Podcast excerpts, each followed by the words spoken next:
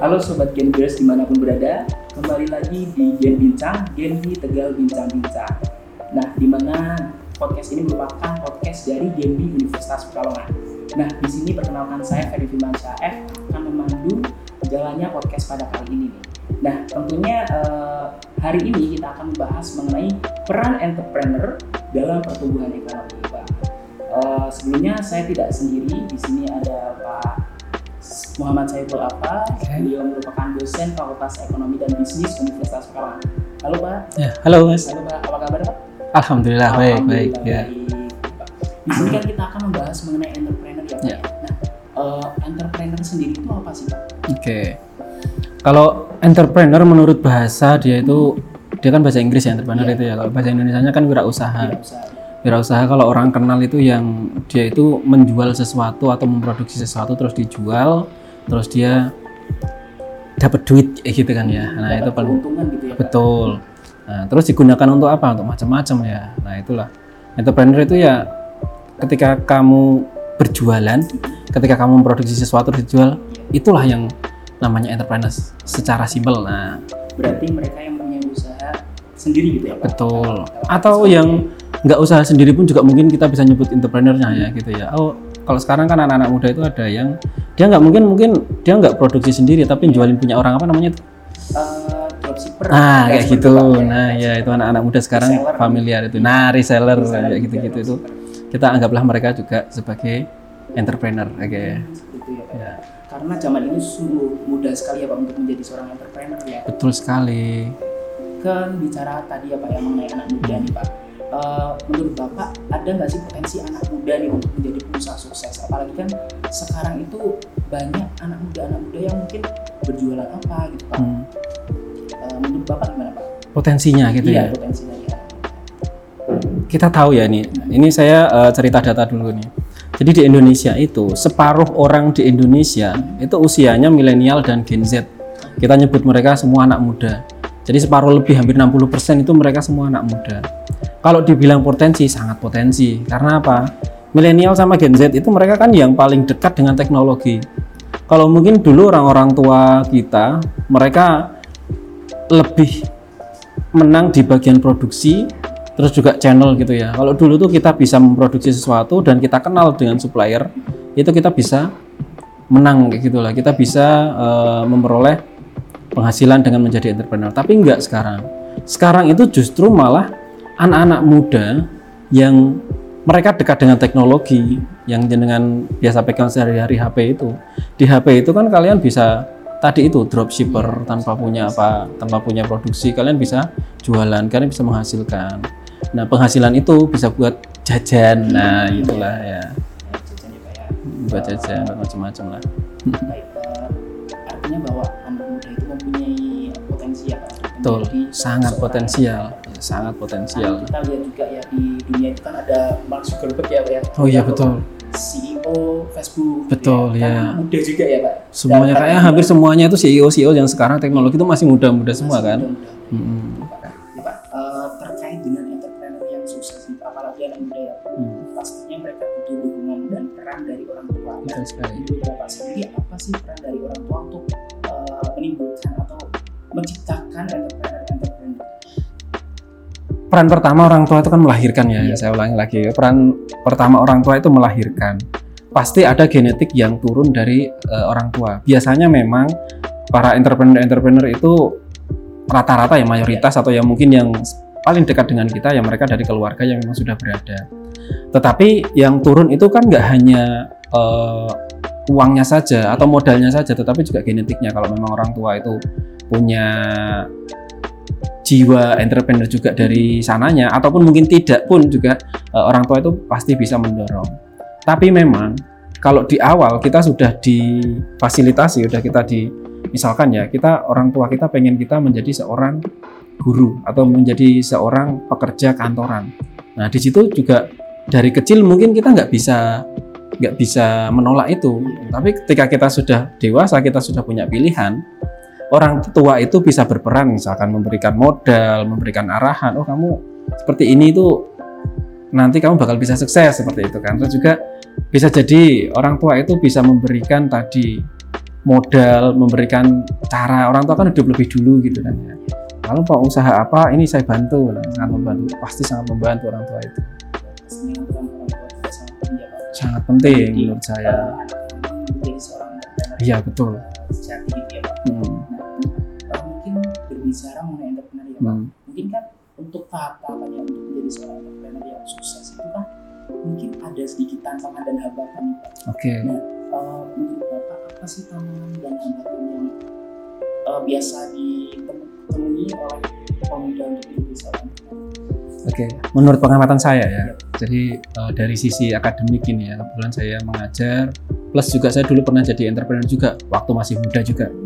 Jadi sedikit sharing pengalaman, anak muda itu tantangannya atau hambatannya itu satu, niat mas. Terus juga konsistensi itu satu, yang paling parah itu konsistensi ya. Jadi anak muda itu kan memang kalau ngelihat sesuatu gitu dia bisa sangat mudah untuk berpindah. Wah ini kayaknya lebih potensial nih, saya pindah ini, saya nyoba lagi, saya nyoba ini, nyoba lagi. Itu adalah konsistensi. Tantangannya di sana, ketika kamu sudah melakukan satu hal selama satu tahun, dua tahun, tiga tahun, kamu pasti tahu seluk beluknya di sana.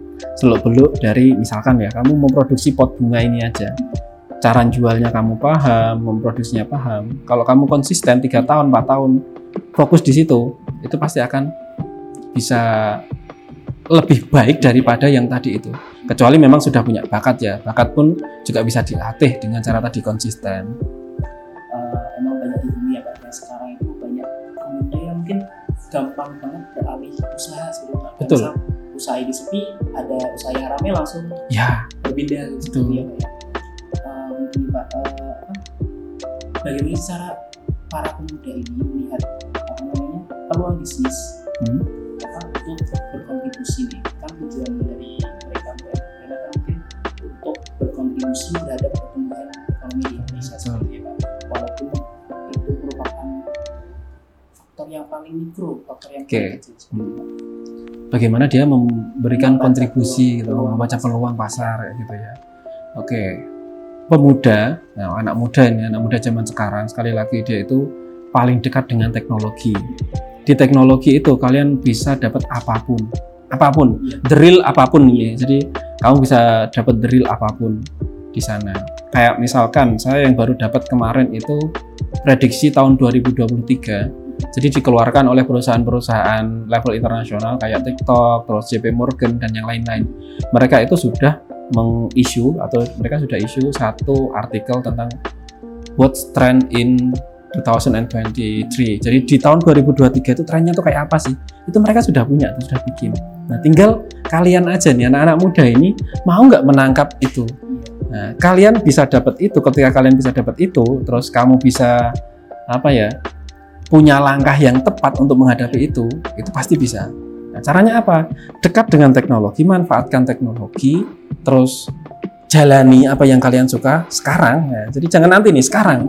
Sekarang aja jalani sekarang, terus lakukan itu selama eh, atau mungkin ya konsisten dengan itu sampai kalian menemukan titik enjoy-nya di mana. Itu itu pesan saya. Nah, itu nanti ke depan kalau sudah kayak gitu kontribusinya tuh nggak usah ditanya kalau kalian produksi sudah bisa memproduksi itu kan otomatis kamu misalkan ya kamu produksi oh berarti kamu sudah memberikan lapangan pekerjaan untuk orang-orang yang memproduksi terus kamu menjual kan ada orang jajan kan nah, orang jajan muter kayak gitu. Orang jajan itu pasti juga dia usaha lagi yang lain. Udah muter itu pasti nanti. Akhirnya perekonomian wah Berputar pasti gitu muter. ya, ya kayak gitu. Harus menjadi entrepreneur yang apa namanya konsisten. Konsisten. Harus berkelanjutan itu. itu juga ini tadi yang pintar menangkap peluang itu kan. Tadi kamu eh, cerita pintar menangkap peluang. Salah satu menangkap peluang dengan apa? Tadi informasi-informasi yang saya ceritakan. Ada artikel-artikel tentang tren 2023 nah kamu ketika dapat itu kamu pelajari. Nah, itu fungsi teman-teman belajar di perkuliahan bertemu dengan teman-teman. Nah itu bisa belajar di sana. Itu untuk menambah sense of tadi memperkuat kita dalam menangkap peluang. Nah, itu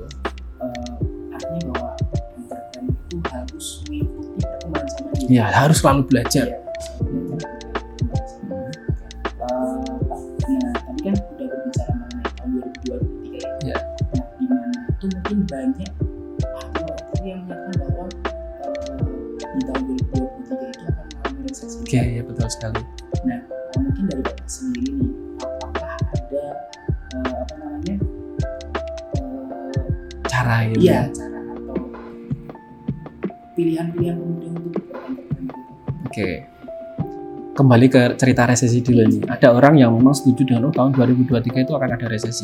Iya mungkin di beberapa daerah ada resesi. Saya tipe yang salah satu yang optimis, tapi mungkin dibilang optimis kelewatan iya. Saya tuh yang nggak terlalu percaya ada resesi. Apalagi ini ya di Pekalongan ya, di daerah Tegal, Pekalongan, Pemalang tuh kayaknya ini daerah-daerah yang jauh dari resesi ini. Hmm, iya. Kamu tahu kenapa? Masih banyak orang jajan. Iya, di Jadi- pinggiran jalan itu masih Iya. banyak? Iya banyak orang jajan, banyak orang jualan. Kenapa? Karena di sini salah satunya ya faktornya ini mungkin yang menurut saya sangat bagus itu orang-orang di sini itu mereka bekerja dan mereka digaji setiap minggu, setiap hari Kamis ya. Apa nih karena Kamisan, ya kan ya. Mereka setiap Kamis itu digaji, mereka mendapatkan uang, terus mayoritas masih suka jajan juga. Terus juga, alah aku kerja hari ini, aku besok masih bisa kerja lagi satu minggu depan dapat uang lagi jajan lagi. Nah itu salah satu yang membuat nantinya itu kemungkinan yang menghilangkan resesi dari Pekalongan, daerah-daerah di Pantura sini yang orang masih suka jajan itu, itu. Jadi pesan saya, gimana sih caranya biar menghilangkan resesi? Kalian sebagai anak muda selain kalian entrepreneur jualan, rajinlah jajan. Nah, itu, itu salah satu. Teman-teman bias rajinlah jajan Hmm. Ya jadi kalian di Gen B, kalian kalau jajan itu kan kalian harus cari duit juga kan. Iya, betul. nah satu kalian harus cari duit. Wah ini saya jajan nih, duitnya dari mana ya? Mau nggak mau pasti kalian Iya, oh termotivasi reseller termotivasi jualan kan. Tapi tetap habis itu jualannya buat apa ya? Tetap sisihkanlah buat jajan. Konser juga kayaknya penuh terus. Nah itu kayaknya nggak ada deh eh, resesi di Pekalongan. Jadi ya mungkin di sana itu banyak resesi, tapi di Pekalongan kayaknya selama mesti banyak anak jajan aman lah kayaknya. Betul sekali. Konsumtif ya Ya.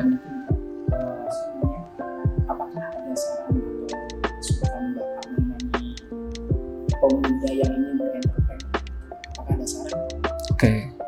Pemuda yang ingin berentrepreneur. Bahasan ini sudah banyak, sangat banyak dibahas. Kalian mungkin juga akan mendengar sesuatu yang sama dan mungkin kalian bosan dengan bagaimana sih kita mengawali start sebagai entrepreneur.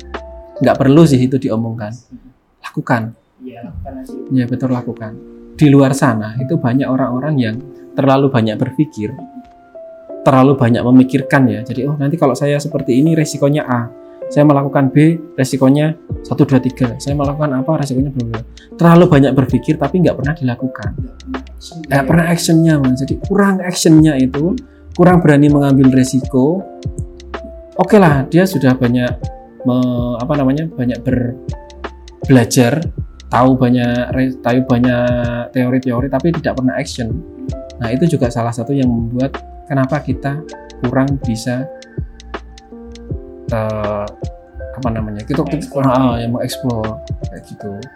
Jadi harusnya action dulu. Oh ya Pak, eh, tadi kan pas awal-awal kan kita juga membahas mengenai resesi pada tahun 2023. Nah, Hmm. eh, mungkin untuk wilayah Pekalongan sendiri kan mungkin masih agak belum Aman lah ya, menurut masih saya aman. Oke. Karena mungkin perekonomian dari kita itu memutar ya Pak ya. Betul. Banyak sekalian jajan seperti itu. Betul. Nah, eh, mungkin kan dari kebijakan dari Bank Indonesia untuk menekan inflasi itu ada GNPP. Oh iya iya iya. Pak. Heeh. Nah, GNPP itu merupakan Gerakan Nasional Pengendali Inflasi Pangan. Oke oke. GNPIP itu untuk mendukung pemulihan ekonomi di tengah ketidakpastian global untuk uh, menjaga stabilitas inflasi pangan Pak. Hmm. Nah kemudian juga dari Genbi sendiri mengadakan apa uh, implementasi GNPIP seperti itu Pak. Nah mungkin apakah uh, anak muda di masyarakat itu dapat mendukung upaya-upaya kebijakan dari Bank Indonesia itu tersebut Pak, termasuk dari GNPIP tersebut. Oke. Kalau sekilas saya dengar penjelasan dari jaringan tadi ya tentang GNPIP itu kayaknya salah satu yang bisa mendorong ya malah anak muda ini. Karena kalau yang tadi ya inflasi pangan kan, inflasi pangan itu ketika eh, ini ya saya lihat saya- kalau nanti salah bisa dikoreksi. Ketika nanti eh, pangan itu nggak ada yang beli atau orang itu sudah nggak ada produksi kan nanti akhirnya tinggi. Tapi karena permintaan banyak, Jadi anak-anak muda ini kan suka ngemil ya kayak jenengan ini kelihatan kan ya gendut-gendut ini sekarang anak-anak muda sekarang itu udah mulai yang gemuk-gemuk gitu kan. Kalau zaman dulu zaman saya waktu saya masih muda itu ya rata-rata masih kurus-kurus. Atau zaman orang tua orang tua kita itu orangnya kurus-kurus karena susah susah makan. Orang dulu itu susah banget nyuruh anaknya makan. Nah, ayo pada makan ya gitu tuh susah. Kalau yang dulunya lagi itu susah nyari makan. Nah kalau sekarang itu semuanya sudah gampang ya nyari makanan gampang. Alhamdulillah nih ya perekonomian kita juga sudah cukup gampang.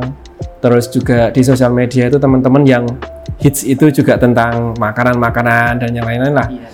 Terus yang dulu dulu itu jadi makanan favorit sekarang muncul lagi kayak ya cerita itu telur gulung itu zaman saya kecil itu ya seneng itu ya. Teman habis itu saya agak gede itu hilang. Sekarang muncul lagi. Itu kan berarti anak-anak sekarang itu doyan jajan terus sesuatu yang viral jajan itu ya membawa ke mana-mana ya ini efeknya anak muda itu suka jajan anak muda bisa berkontribusi ke wirausaha mereka bisa jualan mereka udah bisa nyari duit sendiri ya udah akhirnya apa ya ketika anak muda sudah bisa memproduksi uang sendiri gitu ya sudah bisa jajan sendiri ada jajanan apa itu dibeli nah itu muter terus ya itu pasti nanti bisa memberikan efek pada ini tadi yang dengan eh, sebutkan tadi GNPIP itu ya GNPIP apa, apa namanya Eh, ya Gerakan Nasional Pengendali Inflasi. ah iya itu jadi sekali lagi saran saya jangan berhenti jajan dah Nih, sobat Gambias jangan berhenti jajan ya. Ya. Saya mendukung tukang jajan. Eh, mungkin berkaitan dengan pembahasan tadi Pak. Dari Pak Alfa ada closing statement nggak buat sobat-sobat Gambias? oke. Oh, mungkin untuk teman-teman Gen B ini berarti masih mahasiswa ya? Iya, masih mahasiswa rata-rata. Usia berapa kira-kira? Usia antara rentang 20 sampai Oke. 25. Oke, 20 sampai 25. Ini generasi-generasi yang masih suka doyan jajan dan juga eh, setiap hari itu megang HP lebih banyak daripada eh, ngapain aja kayaknya separuh atau lebih dari dua per tiga hidupnya megang HP gitu ya. Di sana kalian bisa dapat banyak informasi, di sana kalian bisa memproduksi banyak informasi juga, kalian bisa bikin konten dan yang lain-lain. Eh, saran saya dan pesan saya, teman-teman manfaatkan ini. Jangan sampai teman-teman punya gadget, teman-teman dekat dengan sosial media tapi justru malah terlena, justru hanya menjadi penikmat saja. Indonesia itu 60% lebih itu anak muda. Dari 270 juta itu 60% lebihnya itu anak muda.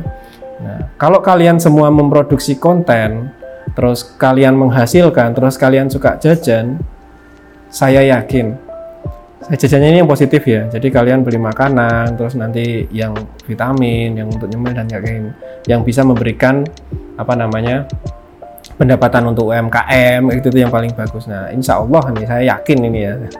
Itu nanti inflasi di Indonesia khususnya di Pekalongan ini yang teman-teman Genbi dari Unikal terus juga dari Denpi Tegal gitu semuanya bisa mendorong atau mengurangi inflasi dan menggagalkan resesi. Ya, itu. Mungkin itu dari saya.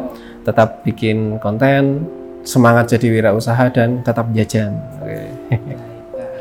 Baik. Eh, terima kasih Dewa Pak Ya, ya, sama-sama. eh, penjelasan tadi yang sudah kita bicarakan mengenai entrepreneur. Ya, siap. Nah, eh, artinya bahwa setiap pemuda itu memiliki potensi untuk menjadi entrepreneur ya Pak ya. Betul sekali. Mereka mempunyai peran dan mereka mau eh, dapat berkembang untuk menjadi seorang entrepreneur Hmm. di kalangan eh, masyarakat seperti itu ya. Mungkin dari pemuda juga harus memanfaatkan teknologi pastinya ya ya, Ya. di eh, tahun-tahun Manfaatkan dengan positif ya. Iya dengan positif eh, agar menjadi seorang entrepreneur yang terus berkelanjutan seperti itu. Siap, betul betul. Eh, mungkin itu saja eh, podcast pada kali ini. Eh, kami ucapkan terima kasih Ya, sama-sama. Ya. eh, materi yang telah diberikan. Eh, kami dari Genbi Unikal mengucapkan terima kasih. Wassalamualaikum warahmatullahi wabarakatuh. Waalaikumsalam warahmatullahi wabarakatuh.